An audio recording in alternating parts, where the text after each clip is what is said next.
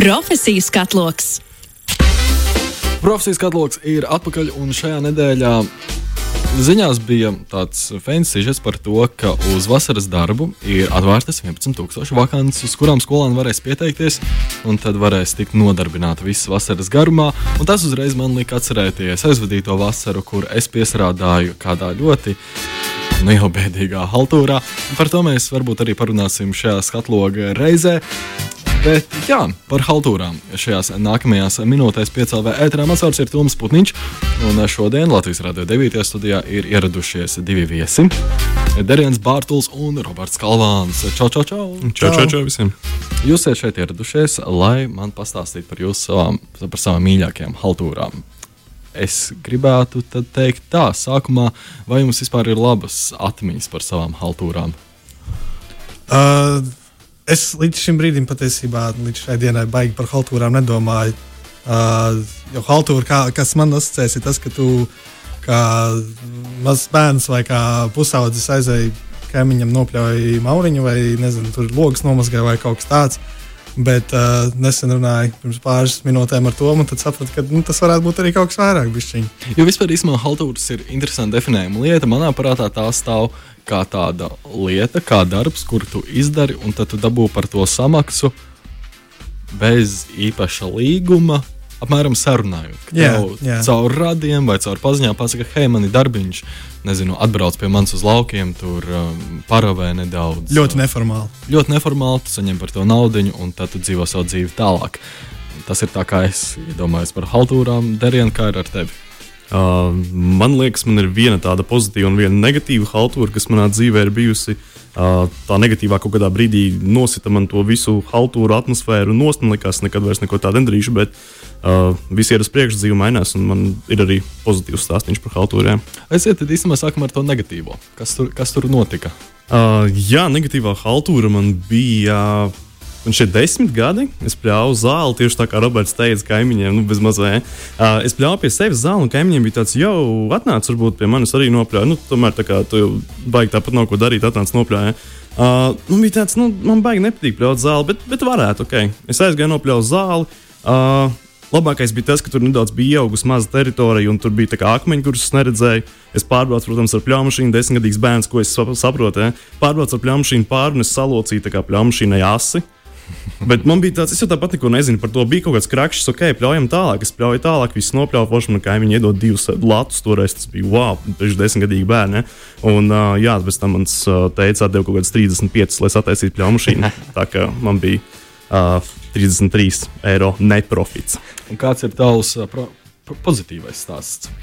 Uh, pozitīvais stāsts man īstenībā diezgan, diezgan patika. Tas bija saistīts ar uh, manu universitāti. Es mācījos trešajā kursā, man tieši bija bakalaura darbs jāraksta. Un, uh, man piedāvāja novadīt uh, zinātnieku brokastis. Tas bija ar līgumu, tā nebija īsta haltūra. Nu, ja mēs tā skatāmies, ka ja, ja haltūra ir bez līguma. Uh, jā, es novadīju tā zinātnieku brokastis, un uh, tā bija nereāla forša pieredze. Man tik ļoti patika. Kā, uh, tu esi students, kurš vēl raksta bakalaura darbu, un tev ir jārunā. Uh, jāiepazīstina klausītāji ar profesoriem, kuri jau Latvijā ir diezgan augstu. Tā, tā bija superīga pieredze, jā, un tā, tā laikam bija tāda mana pozitīvā haltūriņa. Kamēr tu runāji, es fiksēju gaitu tezaurā, lai saprastu, kas te galu galā ir haltūra, jo par to līgumu es arī savā prātā sāku domāt, vai tiešām tur ir vajadzīgs vai ne- nevajadzīgs tas līgums. Bet tezaurā ir rakstīts, ka tas ir darbs, ko tu veic, lai iegūtu blakus peļņu, darbs, ko veic, lai viegli nopelnītu. Līdz ar to Jā, mazs darbiņš, ko tu izdari, lai iegūtu pieredzi, lai novadītu kaut ko, un tad plus mīnus, lai par to aizmirstu. Robert, kā ar tevi? Kādu haltūru tu atceries? Uh, man vispožākā atmiņa par savu haltūru ir, ir, ir uh, tā, ka mana haltūra bija ekstra gara laika ziņā un varbūt tāda avansētāka, bet tas palielam bija uh, 12 mēnešus gadu. Es nodzīvoju Spānijā strādājot uh, par brīvprātīgo uh, vietējā ciemata arheoloģijas organizācijā. Un es tur strādāju kā nu, tā, mēdīņu veidotājs. Es viņiem fotografijas veidoju, video filmēju, montēju. Kā tu, kā tu, kā tu izdomā, ka tu vēlēsies pavadīt gadu Spānijā ar arheoloģiju saistītu un ar mēdījiem saistītu? Kā tu vispār ko tādu atrodi? Uh, ļoti vienkārši. Man pēc 12. klases absolūti nebija plāna dzīvē. Ah, okay. uh, bet, uh, jā, nu, tieši, tiešām tā arī bija. Man nebija ne mazākās idejas, kur es varu iet, uh, kaut ko tālāk darīt, studēt, jo man nekas nesaistīja. Un, un, un pusvasaru nobumbulēju, un tad, tad uh, kaut ko bišķiņu sāku meklēt par iespējām. Varbūt tur kaut kur jāaizbrauc. Ir, un tad divu nedēļu laikā es atradu, sarunāju izgāja visas procedūras vajadzīgās, un viss pazuda no Latvijas 12 mēnešiem.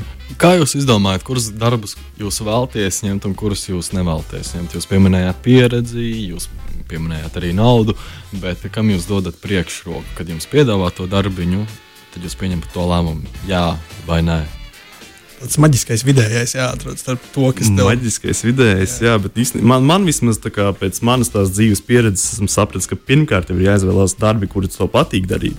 Jo, ja tev nepatīk darīt to darbu, tad vienalga par kādu samaksu tu neizdarīsi ar baudu, un tu neizdarīsi kvalitatīvi. Tāpēc pirmais, man liekas, ir tas, ka tev patīk tas darbs, un pēc tam jau var runāt par samaksu. Un tev? Jā, nu, man arī laikam ir tas, ka, nu, ja tas ir kaut kas tāds, ar, tā kā, ka, kaut kur, kur man jau ir bijusi pieredze, vai kaut kas tāds, ko es esmu darījis, un es zinu, kā tas ir jādara. Un, protams, nu, tā samaksa arī kaut kādā veidā ietekmē to, vai es izvēlēšos to darbu vai nē.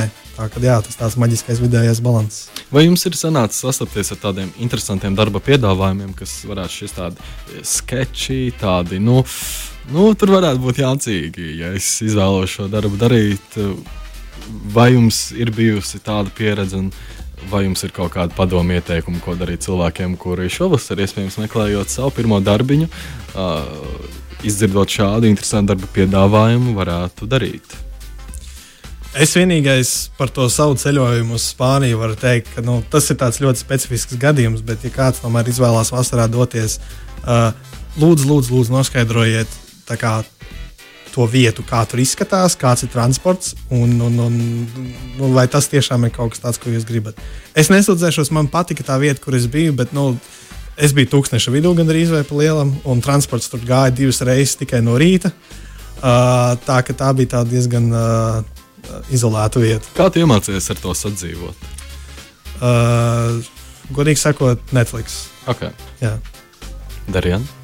Uh, man ir viens vienkārši tāds zināms gadījums, ka Čalim piedāvāja uh, manam draugam uh, aizbraukt uz Poliju, strādāt uzņēmumā, kur pārvadā kravas ar smagajiem.